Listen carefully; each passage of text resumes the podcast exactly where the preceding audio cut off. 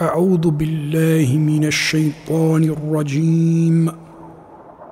بسم الله الرحمن الرحيم. الحمد لله رب العالمين. والصلاة والسلام على أشرف الأنبياء والمرسلين. سيدنا ونبينا محمد صلى الله تعالى عليه وسلم. وعلى آله وصحبه أجمعين حديثي за покајување Ал-Агар бин Јесар Ал-Музени ради Аллаху анху пренесува дека Аллаховиот пратеник саллаллаху алейхи васелем рекол О луѓе, покајте се кај Аллах и барајте прошка кај Него. На вистина, јас се каам на ден стотина пати.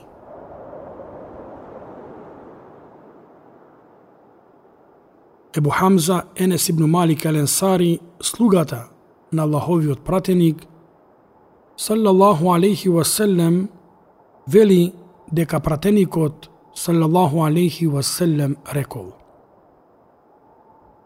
На вистина Аллах повеќе се радува со покајанието на неговиот роб, отколку човекот кој ќе се израдува на пронаоѓањето на својата изгубена камила, а останал без вода и храна.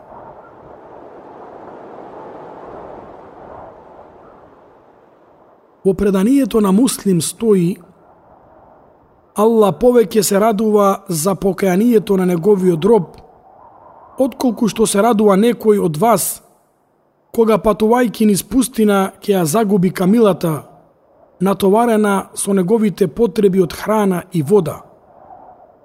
Па барајќи ја на сите страни, губејќи надеж, дека ќе го најде изгубеното, ќе легне под едно стебло да се одмори под неговата сенка.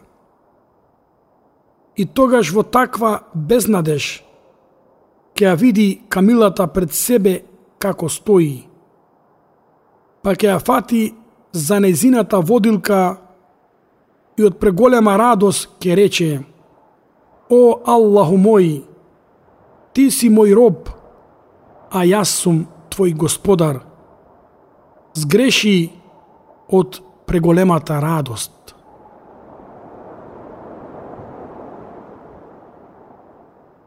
Пренесува Ебу Муса Абдуллах ибн Кајс ел Ашари ради Аллаху анху дека Аллаховиот пратеник салаллаху алейхи васелем рекол – На вистина Аллах ги пружа своите раце преку ноќ, за да му прости на оној кој сгрешил преку ден.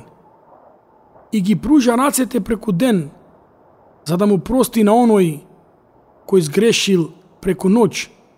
Се така додека сонцето не изгрее од запад.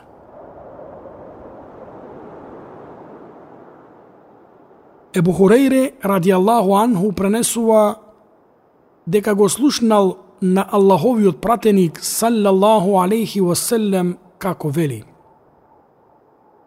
Жими Аллах, јас барам прошка и му се обрачам со покаяние, повеќе од 70 пати на ден.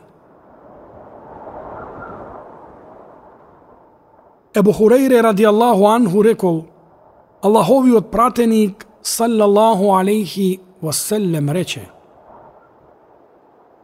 Кој ќе се покае пред да се појави сонцето од запад, Аллах ќе му прости.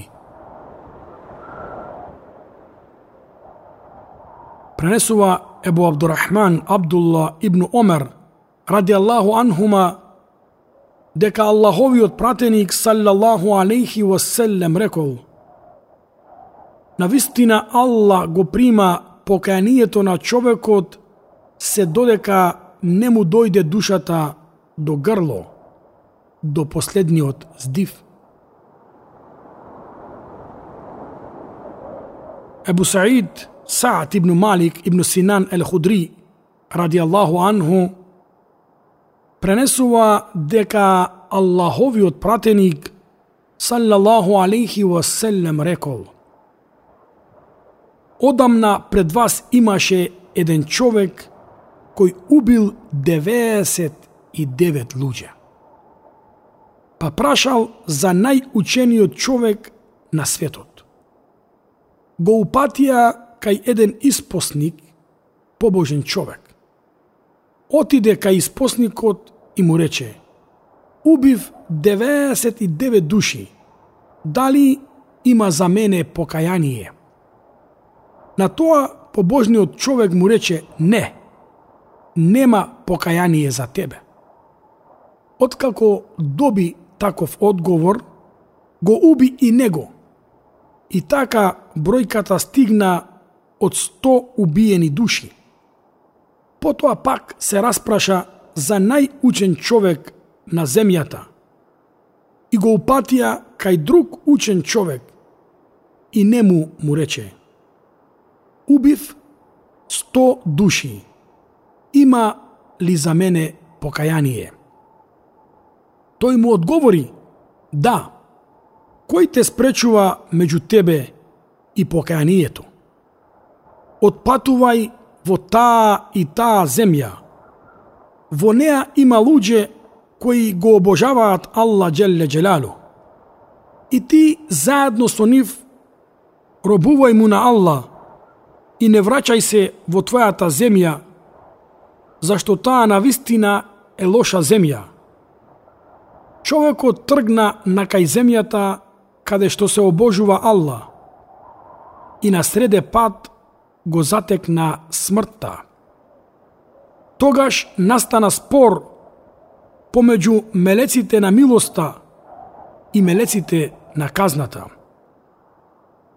Мелеците на милоста рекоа, човекот покајнички тргнал до овде, упатувајќи молба од се срце на Алла за своите гревови.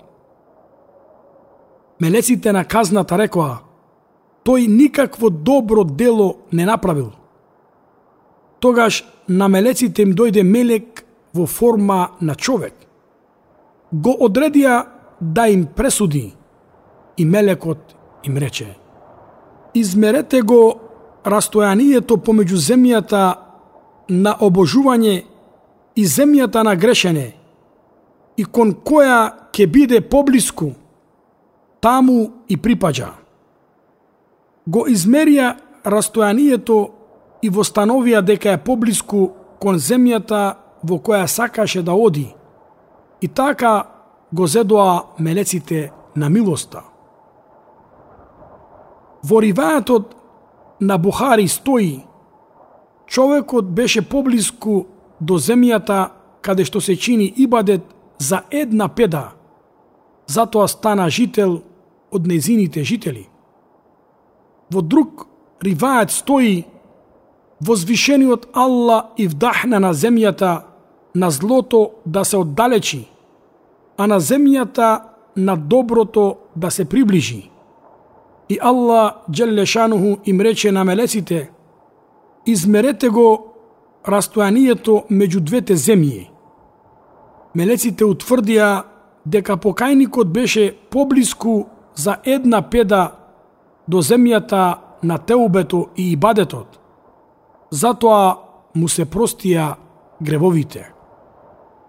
Во друг ривајат стои дека тој, умирајќи, се обидел да се приближи до земјата на добри дела, така што со последните сили се наклонил кон земјата на добри дела, па тоа било причина да биде поблиску до неа.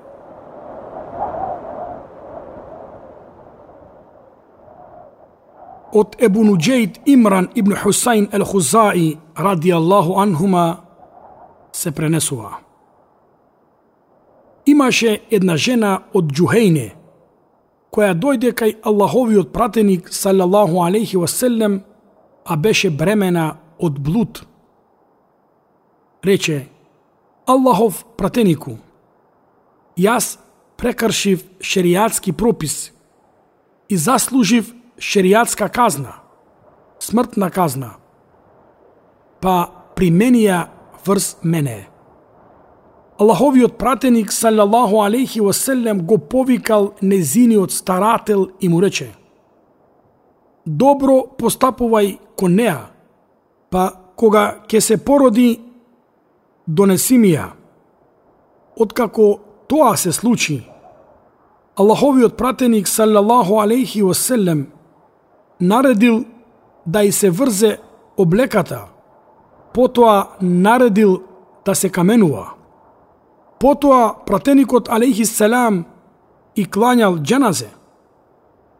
Омер, ради Аллаху анху, му рече, и кланяш джаназе Аллахов пратенику, а таа направила блуд.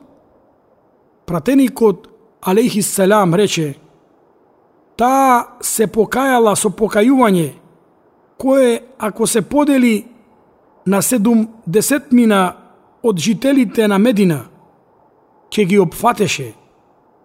Зарем може да има повисок степен на покаяние од оној на кој таа доброволно го жртвуваше својот живот за да го постигне задоволството на Аллах Джеллешануху.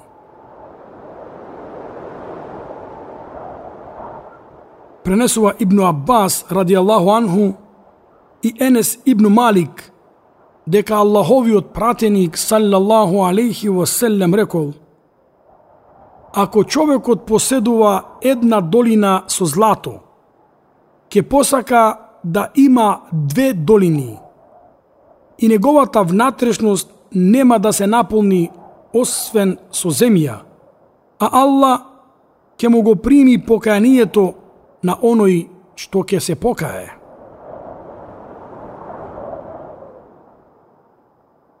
Ебо Хурейре ради Аллаху анху пренесува дека Аллаховиот пратеник саллаллаху алейхи васелем рекол Возвишениот Аллах се смее, се воодушевува со двајца, од кој едниот ќе го убие на другиот и двајцата ќе влезат во дженнет. Едниот се бори на лаховиот пат и ќе биде убиен, Потоа Аллах ќе му го прими поканието на убиецот, штом го прими исламот и ќе посака да умре како шехид. Ебу Малик ел Ешари ради Аллаху анху пренесува дека Аллаховиот пратеник саллаллаху алейхи васелем рекол Ако онаа жена која плакала гласно за умрениот, не се покае пред смртта. На судниот ден ќе биде проживеана, а на себе ќе има кошула од катран и блуза од шуга. Ибн Омер ради Аллаху анху рекол, понекогаш би изброиле како Аллаховиот пратеник саллаллаху алейхи васелем на една седенка и по стотина пати кажуваше Господару, прости ми и прифати го моето покаяние. Ти навистина примаш покаяние и сомилосен си. Аллаховиот пратеник саллаллаху алейхи васелем рекол Мелекот од левата страна го кренал моливот 6 часа од грешникот муслиман. Па ако се покае и побара прошка кај Алла од гревот, го фрла или воспротивно му го пишува како еден грев. Алхамдулиллахи алладhi би ни'матихи салихат. Благодарноста му припаѓа на Аллах, со чија заслуга и благодат завршуваат сите добри работи.